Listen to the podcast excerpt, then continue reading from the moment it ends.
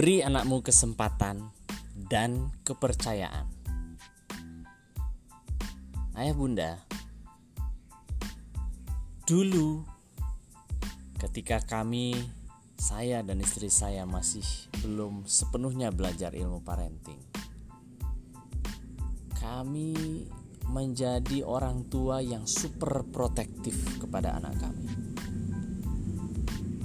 Anak kalau bisa selalu dalam keadaan aman, nyaman, tidak melakukan kegiatan yang kita anggap bahaya dari versi kacamata orang dewasa. Anak kami, Afika Humaira Umarat,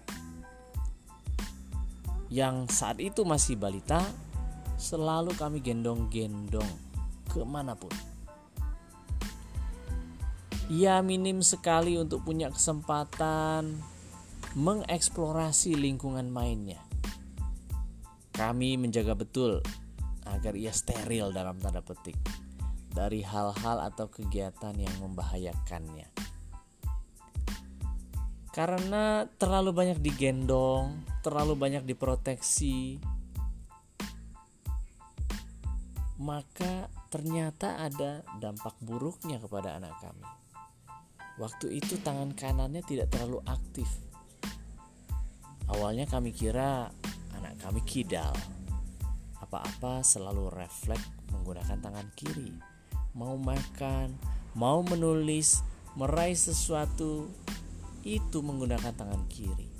Tangan kanannya pasif Sampai-sampai kami tidak nyaman juga melihatnya di banyak kesempatan. Kenapa kok tangan kiri terus-terusan digunakan?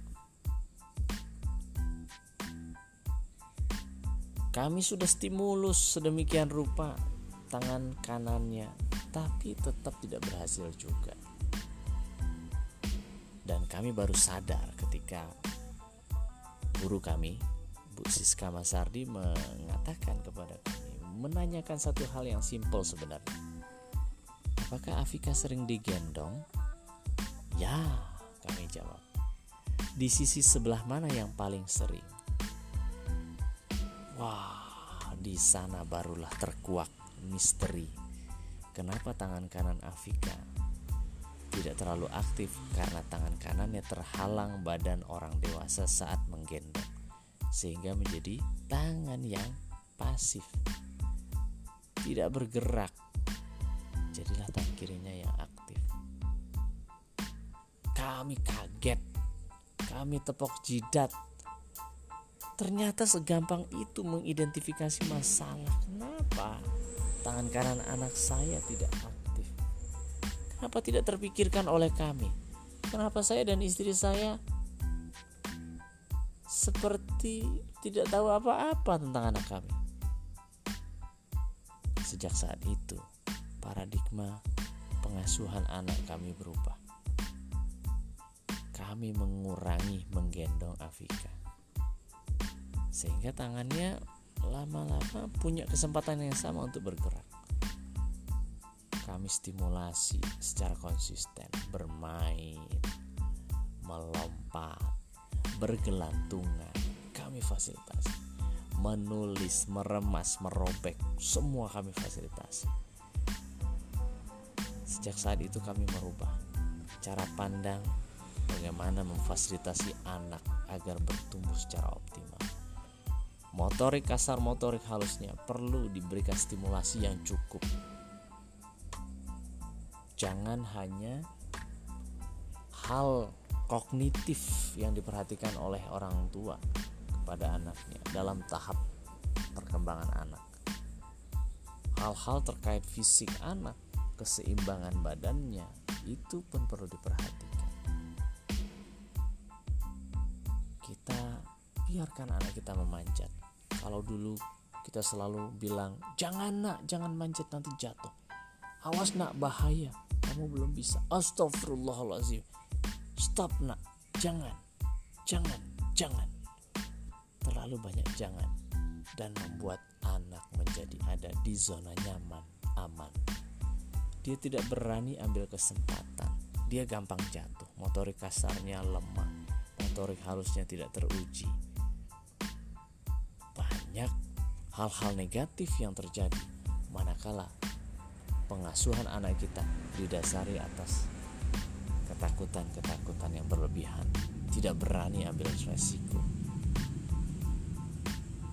Nah, bagaimana seharusnya menjadi orang tua yang merupakan fasilitator terbaik bagi pengungkit kesuksesan anak di masa depan? Satu hal yang perlu kita pertimbangkan adalah kita bisa mengubah mindset kita dengan mewujudkan, menerapkan, mengimplementasikan satu nasihat bijak ini. Apa itu? Beri anakmu kesempatan dan kepercayaan.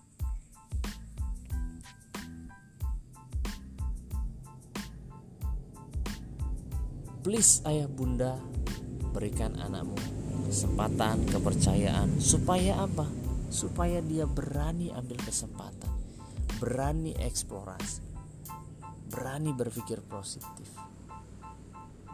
Ketika mendapatkan tantangan dalam hidupnya kelak, dia berani ambil resiko, berani menghadapi masalah. Dia tidak takut menghadapi masalah. Pemberian kepercayaan dan kesempatan, kesempatan dan kepercayaan ini saling kait mengait, saling berkelindan. Kalau Anda tidak percaya kepada anak Anda, maka dia tidak akan pernah melakukan eksplorasi yang bebas lepas. Ketika Anda tidak percaya sama anak Anda, maka kesempatan dia untuk eksplorasi main itu jadi terbatas.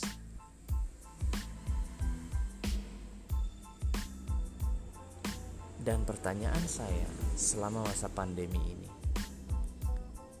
sudahkah kita sebagai orang tua, orang dewasa, sebagai pendidik anak kita di rumah, sudahkah kita memberikan kepercayaan dan kesempatan kepada anak-anak kita di rumah? Jangan-jangan kita banyak suuzonnya, banyak tidak percayanya sama anak kita.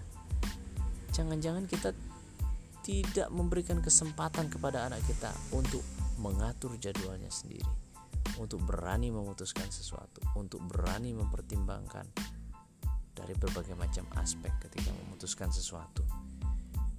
Kita tidak berani memberikan kesempatan anak untuk mengatur ritme hidupnya sendiri karena kita ingin cepat, ingin cepat, ingin cepat.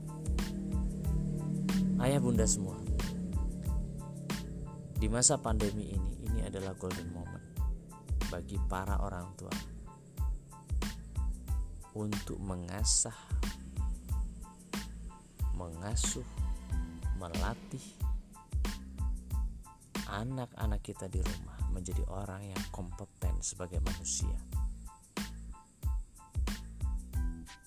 Please lakukan evaluasi kepada anak Anda, mulai dari bangun tidur sampai tidur lagi di bagian mana, di aspek mana, di fase yang mana yang saat ini anak kita masih menantang untuk dia taklukkan. Yang saat ini dia masih belum masih berjibaku, belum bisa mengatur dirinya sendiri. Identifikasi masalah-masalah tersebut.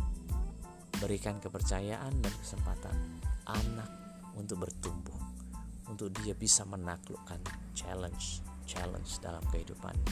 Supaya apa? Supaya dia menjadi manusia yang kompeten. Manusia yang kompeten sebagai manusia. Bukan manusia yang dididik dengan pendekatan hewan tapi manusia yang dididik dengan pendekatan manusiawi. Manusia yang berdaya atas pikirannya ucapannya, perasaannya, dan tindakannya. Maka sudah seberapa besar kepercayaan dan kesempatan kita berikan kepada anak kita selama masa pandemi ini. Yuk, sama-sama kita perkuat, perbesar energi positif kita untuk kita berikan sama-sama kepada anak-anak kita bahwa mereka bisa kok dilibatkan di dapur memasak makanan yang sehat bergizi. Mereka bisa kok mengatur jadwal PJJ-nya sendiri. mereka bisa mandiri kok. Ini saatnya, momennya yang paling tepat di masa pandemi ini. Di saat semua orang bertemu 24 jam kali 7. Kita punya banyak waktu luang. Apakah kita sudah memanfaatkan waktu luang itu untuk mendidik anak kita menjadi orang-orang yang kompeten sebagai manusia? Buat dia mandiri, mulai dari bangun pagi sampai tidur lagi.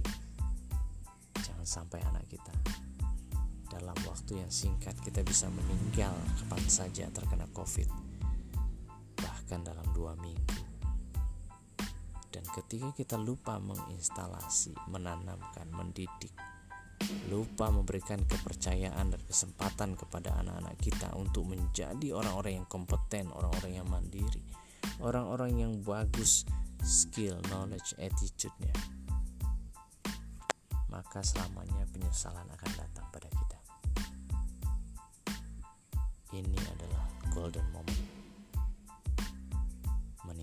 kapasitas dan kapabilitas anak kita yang tadinya belum bisa toilet training sekarang sudah lancar toilet training seharusnya dan momen itu bisa kita lakukan sekarang. Jangan tunggu pandeminya berakhir. Karena kalau Anda baru memberikan kepercayaan dan kesempatan di saat pandeminya berakhir, itu sudah terlambat. Itu sudah sudah sangat terlambat. 2020 2045 nanti kita akan mendapatkan bonus demografi 70% dari rakyat Indonesia adalah orang dengan usia produktif. Kalau kita tidak didik anak-anak kita yang masih usia dini saat ini, dari sekarang kita lupa memberikan kepercayaan dan kesempatan kepada dia untuk menjadi orang yang percaya diri, orang yang kompeten. Maka kelak 2045 kita akan menjadi penyumbang generasi yang merupakan musibah bagi negara. Mudah-mudahan itu tidak terjadi. Mudah-mudahan kita bagian dari orang tua-orang tua yang mempersiapkan anaknya menjadi bonus demografi yang merupakan berkah bagi nusa bangsa, negara, dan agama ini. Saya Umar. Assalamualaikum warahmatullahi wabarakatuh.